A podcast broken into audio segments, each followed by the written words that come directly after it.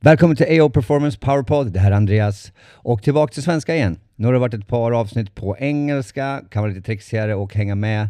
Jag vet, eh, men det är otroligt mycket information i de där engelska poddarna också, så lyssna gärna på dem för det finns massor att ta med sig därifrån. Den här podden gör vi för att försöka utveckla oss så mycket vi bara kan inom den här helheten som vi verkligen tror på. Allt från det mentala till näring och eh, såklart träning, rörelse och allt däremellan. Och eh, nu är vi tillbaka till det mentala. Så jag och min högkänslighetsterapeut Maria Norlin hade en plan på att göra en eh, podd om när känslorna tar över.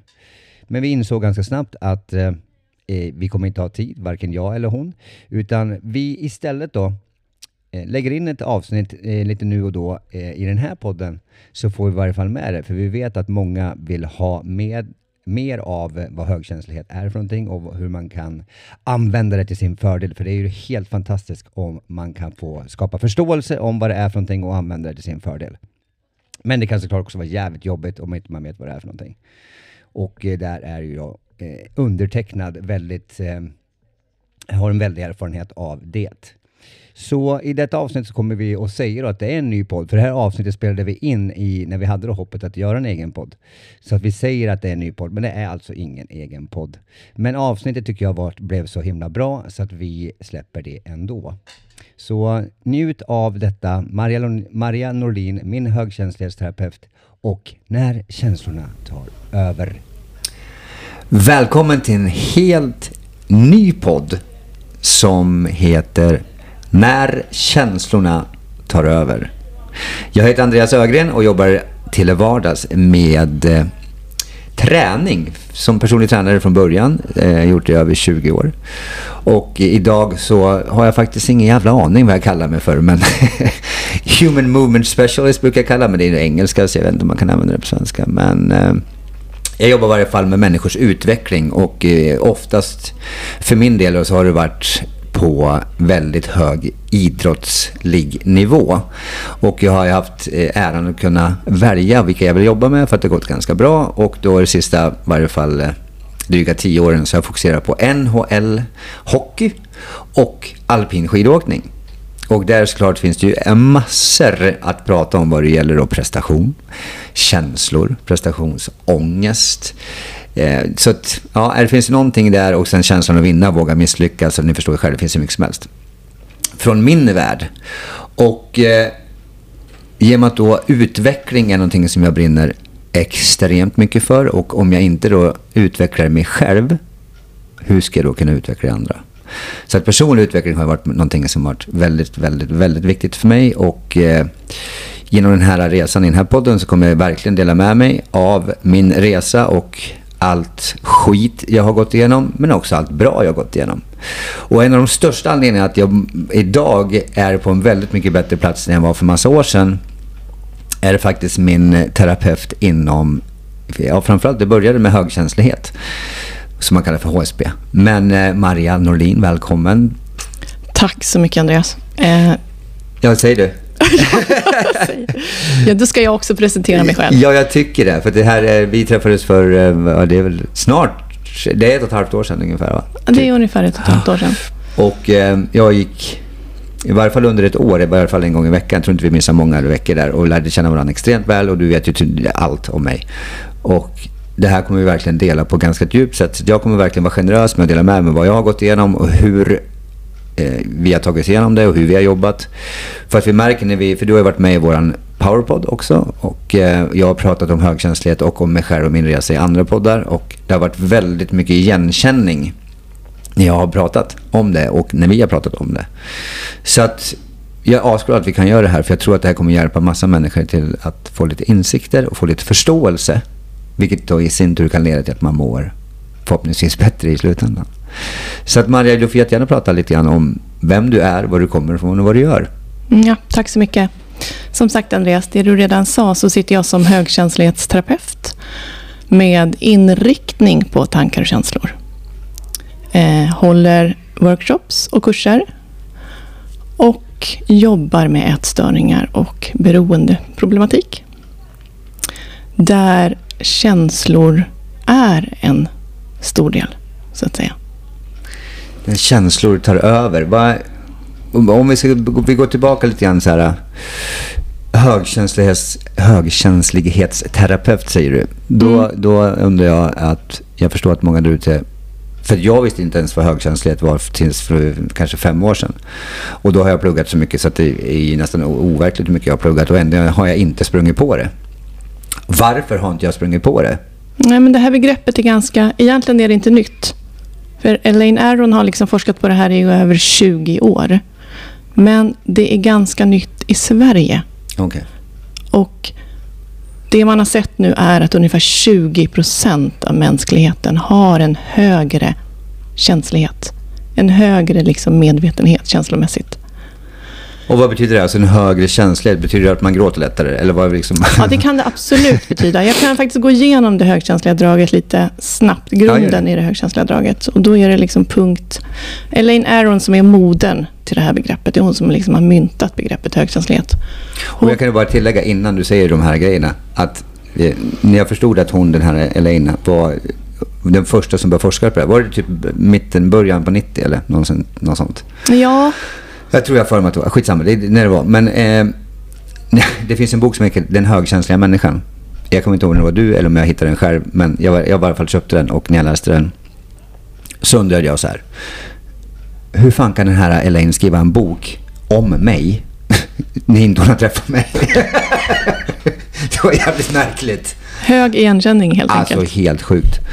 Men eh, ja, så där var jag ju såld och, och förstått att, att, för jag har ju letat diagnoser på mig i hela mitt liv. För jag har sånt jävla driv och, och, och kan ju ha, jag vet, jag har högt tempo och är väldigt svårt att koncentrera mig när jag inte tycker det är intressant. Men jag har extremt lätt för att koncentrera mig när jag tycker att det är intressant. Så att, all, det finns många bokstavskombinationer här som jag har gått på utredning och jag aldrig haft. Så jag, har jag har ju kanske sökt en, en diagnos att skylla på, tror jag, när jag var yngre.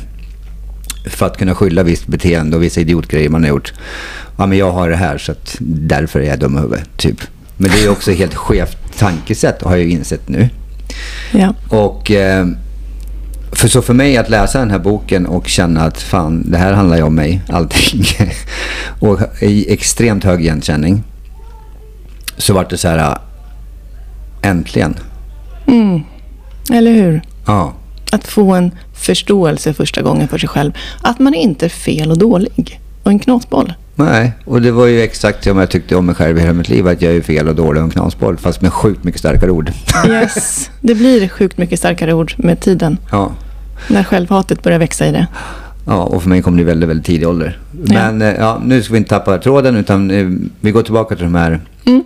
Bara för att få en, en liten karta över vad det här handlar om så har Elaine liksom myntat upp fyra punkter. Och den första punkten som också är grundläggande för de andra punkterna det är djup bearbetning. Det betyder att vi har en hjärna som bearbetar djupare. När man har liksom gjort mätningar på hjärnan så ser man att hjärnan jobbar längre och djupare. Vi tänker mer. Och kan det vara då, då tänker jag så här. Jag kan ju känna igen mig i, när jag var ung i synnerhet, att jag tänkte på vad alla andra tyckte. Och i synnerhet när jag spelade ishockey. Och att okej, nu pratar tränaren om mig. Nu, är det sånt som är bearbetning eller är bara Mm. Är det att man inbillar sig saker mer eller vad, om du skulle förklara lite mer? Mm. Nu är vi inne på dömande. Ja, okej. Vårt eget dömande. Men absolut, vi tänker mer på allt. Ja. Men har, har det att göra med, med bearbetningen eller har det inte? Nej, det har att göra med, med liksom dömande och ältande. Okej, men, Men om vi, att- går till, tillbaka till bearbetningen. Vad, hur- hur skulle du kunna förklara det på Mm. svenska? Det betyder att vi har en hjärna som är mycket mer detaljerad. Det finns en av de här punkterna som handlar om att vi är detaljmänniskor och att vi egentligen bearbetar den information vi tar in mera detaljerat. Okej, och det är, kan du förklara varför att jag ser detaljer i allting? Ja, Det, är ju en djupare bearbetning. Vi kan gå in på den punkten, för att den första punkten, djupt bearbetande, är liksom grunden för allt annat. För vi har ett nervsystem som tar in otroligt många fler informationssignaler per sekund än om du inte är högkänslig. Alla de här informationssignalerna, de behöver du göra någonting med. Och är du högkänslig så har du då en hjärna som bearbetar de här in i minsta detalj. Okej, för jag kommer ihåg när jag spelade musik när jag var tonåring och hade ett band. Det var första gången jag reagerade över det här. För då kände jag att allting skulle vara perfekt i detalj. Yes. Alltså mixsladden skulle vara rätt. Gitarrsladden som hängde på min gitarr skulle hänga på ett visst sätt. Hur jag hängde gitarren över axeln skulle vara på ett visst sätt. Alltså all, mikrofonvinkeln mot min mun skulle vara på ett visst Alltså allt det där. Och jag ville helst att hela bandet skulle göra likadant så att jag fick det på ett sätt som jag ville ha. Men det vågar jag inte säga. Nej. Men mina grejer var i varje fall, Yes. kommer det därifrån? Typ. Ja, där har vi en del av, av detalj liksom, med personligheten som att vara högkänslig innebär. Men jag tänker också, varför var det så viktigt för dig att allting skulle vara perfekt? Så ingen skulle döma mig. Nej, Eller kanske Ville att du jag själv skulle döma. Ja, jag ville vara rätt. du ville vara rätt. Ja. Det känns det bra. Och titta på, varför ville du vara rätt? För blir jag fel så dömer jag ut mig själv. Ja, och det är jättejobbigt. Och det är det här som är grejen. Det kommer jättemycket känslor som inte vi vet hur vi ska hantera. Okej, och då blir det jättemycket och då bearbetar vi på en djupare nivå. Men har det med inbildning att göra också? Att det är djup bearbetning eller inte så? Så vårt dömande kommer in, då är det väldigt lätt att vi börjar inbilla oss saker. Då börjar hjärnan liksom, för att titta på, det som ofta händer först är ju, men känner du att någon dömer dig, då är det ju känslan som kommer av att du är fel och dålig. Sen plockar vi upp den där känslan till tanken. Och där kan det hända massor. Där börjar vi dra iväg i tanken. Och då inbillar vi oss. Och då börjar vi inbilla oss. Där kan vi börja älta. Där kan vi börja skapa historier. Där drar dramat igång. Som skapar ännu mer lidande. Det är i våra sinne vi skapar vårt lidande. Okej, och då måste man ju arbeta på det här djupet då för att... Då behöver vi titta på vad var det som hände känslomässigt här. Jag blev stressad. Eller jag blev orolig. För det, här, det händer känslomässigt. Men det är inte vi så bra på att förstå. För vi tror att vi ska lösa allting i våra tankar. Mm. ja. I- ja. Det är inte så lätt. Men ja, det är in- jätteintressant. Men vi kommer att prata mycket mer om sånt där. Men vi går till nästa punkt.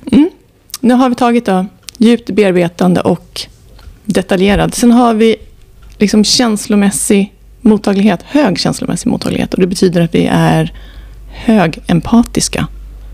Det betyder också att vi liksom är väldigt bra på att känna in och känna av andra människor. Ja, det kan jag skriva under på. Och det kan ju också göra att man blir helt slut. Men, alltså, men det gäller ju också ting, eller alltså saker.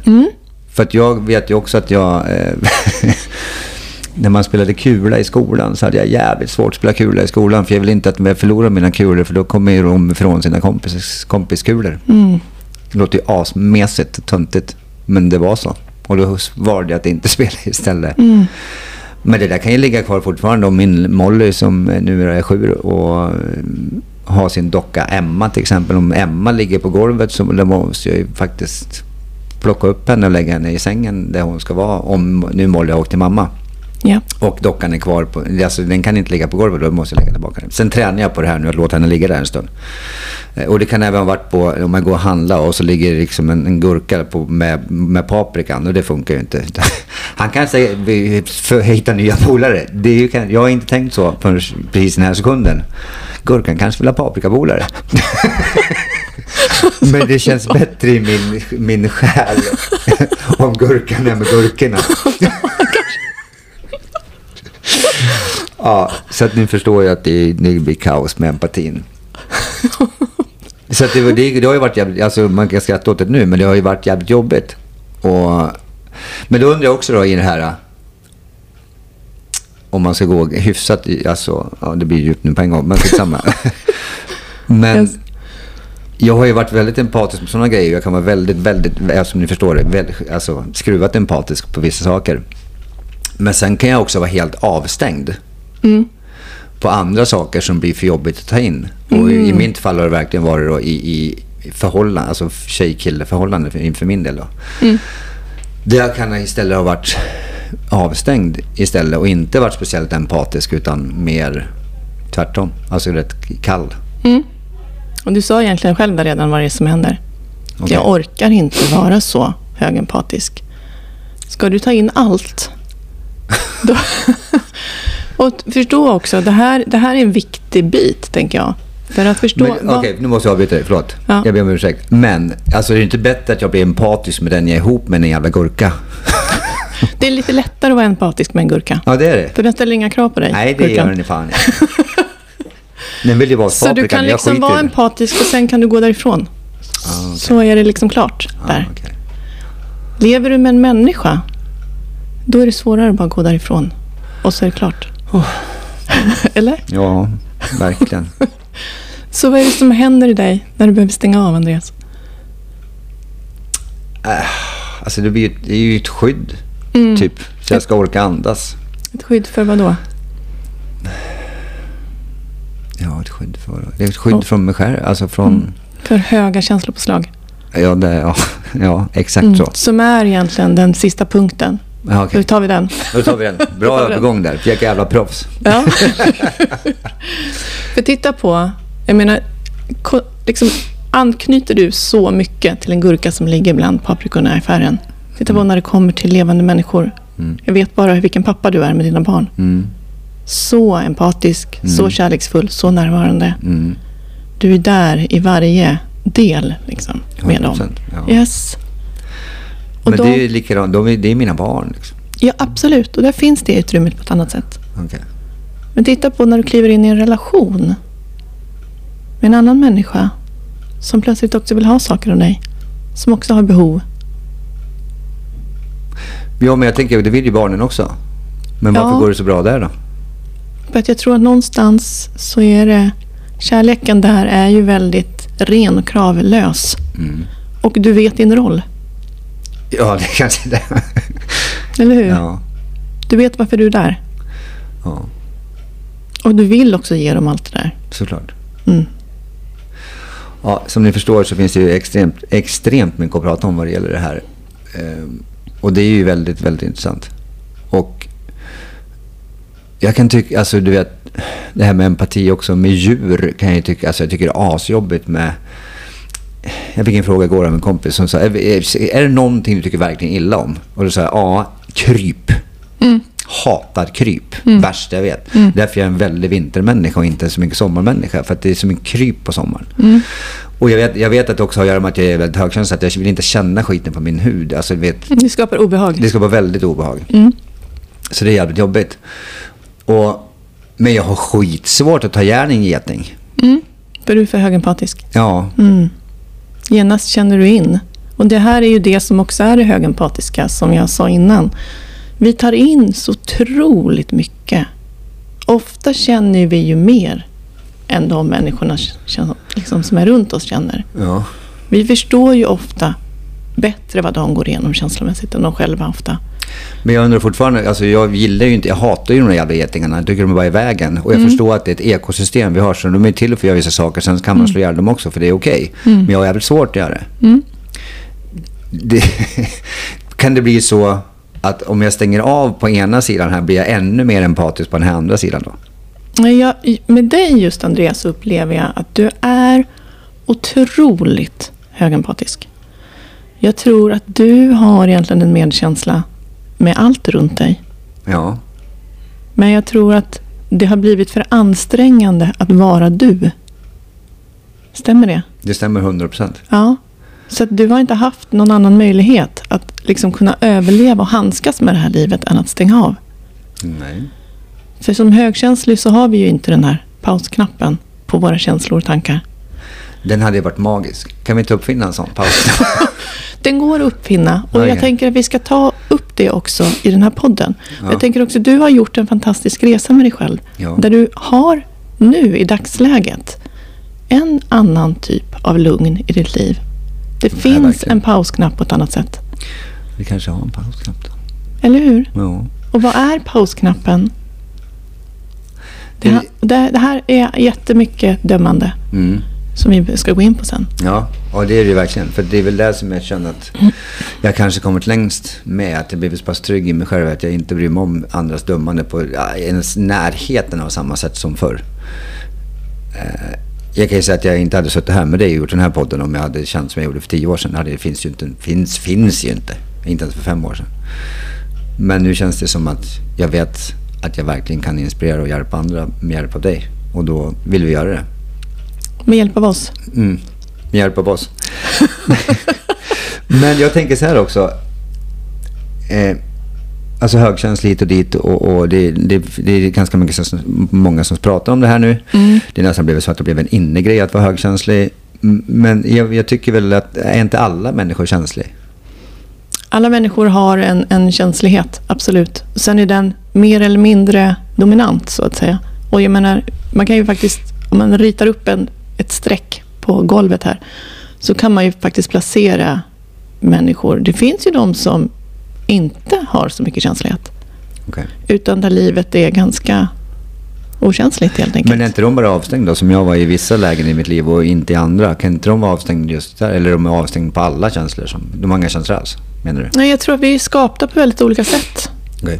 Och den här, alltså det här personlighetsdraget har ju upptäckts av en anledning, så att säga. Mm. Vi behövs också. Ja. Den här känsligheten, den här sensitiva begåvningen behövs. Det finns en funktion med den. Likaså som det finns en funktion med att vara en människa som kanske inte känner så mycket. Såklart. Och det var ju min dröm att vara en sån människa när jag var liten. Till exempel man hoppade i skidbacken och ville man ju verkligen vara den människa som inte brydde sig ett piss. Eller hur? Jag tyckte att, att jag kände mig så feg så det liknade ingenting. För att jag förstod att gör jag sådär så kommer det där att hända. Då kan ju det där hända. Sen så har jag tänkt 18 miljoner grejer vad som kan hända om jag gör så. Mm. Och då vill jag ju helst inte göra det hoppet och snurra i luften och landa i ett träd. Nej. Men det hade varit jävligt coolt att göra det. Mm, eller hur? Förstår du? Du har bara hittat en annan väg, tänker jag. Ja. Och jag menar, det, det är också... Sen kan vi gå igenom de olika högkänslighetsdragen, så att säga. Det finns ju de som är sensationssökande också. Med ja, en hög ja, okay. högkänslighet. Ja, okay. Ja, men det vore ju väl jävligt bra. För att jag, jag det, du sa det av sensitiv begåvning. För att den dag jag insåg för det är det här som gör att jag är väldigt duktig på mitt jobb och att jag idag kan säga att jag är väldigt duktig på mitt jobb. För att jag, min pappa kan fortfarande säga så här, men alltså, när ska du fatta hur bra du är? Mm. jag vet mm. inte så. Men kanske någon dag. Men jag vet i alla fall att jag är jävligt duktig på mitt jobb. Och jag vet att det här är en stor del i att jag är väldigt duktig på mitt jobb. För att jag känner in så jävla mycket. Mm. Även när jag tränar. Mm. Alltså är bredvid och på golvet. Mm. Jag känner vad jag ska göra. Mm. När jag behandlar med händerna känner jag vad jag ska göra. Jag känner till och med när jag sitter med min online-träning. Jag känner in hur de skriver. Är det, är, känns det weird om jag säger så? Nej, nej. Det är det här som är det högsen, liksom högkänsliga draget handlar om. Titta på, man pratar mycket om så magkänsla. Mm. Intuitiv förmåga. Mm. Och det är vi så att säga, experter på. Jag tänker på mm. vad min vägledning bygger på när jag sitter som terapeut. Jag jobbar ju otroligt intuitivt. Och jag går liksom egentligen 100 procent. Sen har ju jag massa kunskap och verktyg. Erfarenhet, ja exakt. Men titta på hur jag vägleder är ju otroligt intuitivt. Jag fångar ju, det är det min vägledning bygger på till 100 procent nästan, skulle jag säga.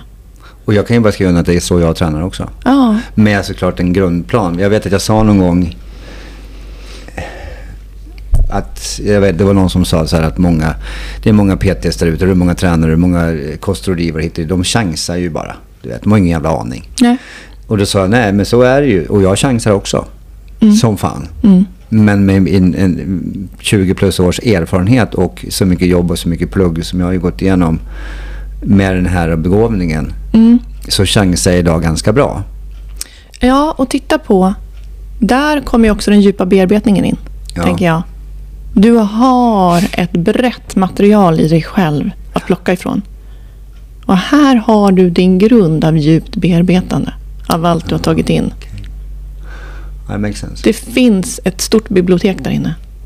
Som också är ganska omedvetet ofta. Men ja, det... men den kommer fram då i den här intuitiva så, magkänslan som, som vi säger. Så som Elaine Aron beskriver magkänsla eller intuitet. Det är att du har bearbetat så djupt och så mycket. Så att du har otroligt mycket att plocka från i dig själv. För jag känner att idag så törs jag ju, var lite det jag ville säga med det här att jag tycker att jag är duktig. Men ja, det var mm. inte för att skryta utan det var bara för att idag litar jag på min magkänsla på ett helt annat sätt Ja. än jag gjorde förut. Mm. Yes. För förut ville jag bara ha andras åsikter om. Är det här bra? Är det här bra? Är det, Vad tycker du om det här? Vad tycker du om det här? Men så känner jag också att det, har, det är många som har sagt saker som inte jag alls håller med om. Och sen när det visar sig i slutändan, fan jag skulle ha lyssnat på mig själv. Jag skulle ha lyssnat på mig själv. Exakt. på mig själv. Exakt. Och idag så gör jag det. Idag så kör jag efter vad jag vill och känner. Jag kommer alltid, aldrig, men jag slutar lyssna på andras expertis och jag kommer aldrig sluta lyssna på dig för att det är expertis som inte jag har. Och jag älskar att lära mig av andra. Men det har inte, jag är fortfarande en människa med extrem erfarenhet och kunskap. Jag måste också kunna lyssna på mig och andra borde kanske göra det ibland också. Yes. Men förr har jag bara lyssnat på andras åsikter och inte förstått att det bara är en åsikt från en människa som har en åsikt. Yes. Bra. Och du behöver inte bara grunda din om. Vad är det som säger att den människan har mycket mer erfarenhet eller kunskap eller har rätt i det här vi pratar om? Vad det nu ska vara för ämne. Och inte jag har rätt. Men jag Just alltid litar på den människan, inte Ja. på mig själv. Ja. Alltså aldrig på mig själv. Och det är ju intressant. Ja, jag har inte vågat. Nej, precis. Rädsla för att ha fel, eller hur? Ja, och rädsla för att någon ska lämna mig framför allt. Om Ja. det har varit yrket. Ja. Då är det bättre då, och vilket har gjort då att jag, jag blev, alltså, jag har ju lyssnat in som fan vad, vad de vill ha och gett miljarder. Alltså gett, gett, gett för att de inte ska lämna mig Mm. istället. Och det har blivit ganska bra, eller hur? Det blev jävligt bra också. Men idag när jag då både kan lita på min magkänsla och vara lika lyhörd och göra allt för andra ändå. Mm. Så blir det ju på en annan planet. Det blir ju sjukt mycket bättre såklart. Och jag mår ju mycket bättre i det. Mm. Så det är ju... Ja, jag håller med. Det är, den dag jag insåg att det var en begåvning släppte så sjukt mycket dömande om mig själv till mig själv. Och det är kanske den bästa dagen i mitt liv, förutom, ja, förutom när barnen föddes, det tycker alla. Men den, vi tar bort den, för den är självklar. Men annars så, för min personliga utveckling skulle det vara det, det, det största. Mm. Någonting landade, eller hur? Ja, enormt. Mm. Där du inte längre behövde ifrågasätta dig själv. Nej. Och det är väl det jag tänker också som vi vill dela med oss av. Den här liksom kunskapen och förståelsen för sig själv. Mm. Och jag är helt säker på att det kommer hjälpa massa, massa, massa, massa människor eh, som kommer att känna igen sig i... Även fast vi kommer kanske prata mycket om min historia, men ni kommer att känna igen det i den för att det är, har hänt en del. Ja. Och, och, nej, det här ska bli askul. Så att vi, eh, jag tycker vi, vi, vi introavsnittet får landa där. Och så får man ta in det här, för det blir ganska mycket info ändå. Ja, det är svårt att, att gå bara på ytan när man är du och jag här. Nej, och ni kommer att känna, som ni förstår det Maria också högkänslig. Så att det, det kommer bli en... en eh, men så glöm inte heller att det är, inte all, det är aldrig bara en sak. Det är aldrig bara en sak. Nej. Utan det är alltid flera saker. Så att, det är likadant i träning till exempel. Att du kan, det räcker inte med en övning. Eller det räcker inte att bara ta magnesium. Eller att bara sova bra. Det funkar aldrig med bara en sak. Det är en helhet. Men nu vill vi belysa känslor och när känslorna tar över. Och eh, vad högkänslighet är. Och med att det är så pass ändå hyfsat okänt. Så vill vi verkligen belysa det. För vi vet att det kommer att hjälpa. Och jag tänker så här, du pratar om helhet, som jag tänker är ditt begrepp när du jobbar. Mm, Som borde vara ett begrepp i alla sammanhang. verkligen. För att du kan inte göra en förändring utan att förstå helheten. Nej. Och tänk om alla områden förstod det. Från sjukvården till, eh, till allt. Ja, Ja, det är så är det. så jag tänker att vi kanske ska ha ett avsnitt som handlar om vad helhet ens betyder för någonting. Verkligen. Det- Verkligen. Och sen så kommer vi också, vi har startat precis en helt ny Instagram som heter Ja, den ska heta När känslorna tar över. Ja. Så att ni kan ställa frågor och komma i kontakt med mig och Andreas. Ja. Även om det är jag som kanske kommer svara mest där. Ja, det är det. Men eh, När känslorna tar över på Instagram och eh, podden heter När känslorna tar över. Tack Maria. Tack Andreas. Och ni alla lyssnare är varmt välkomna att ställa frågor och faktiskt komma med förslag på vad ni vill att vi ska prata om också. Verkligen. Och just nu då innan vi har mailadresser och hemsidor och sånt så använd Instagram och skriv DM där.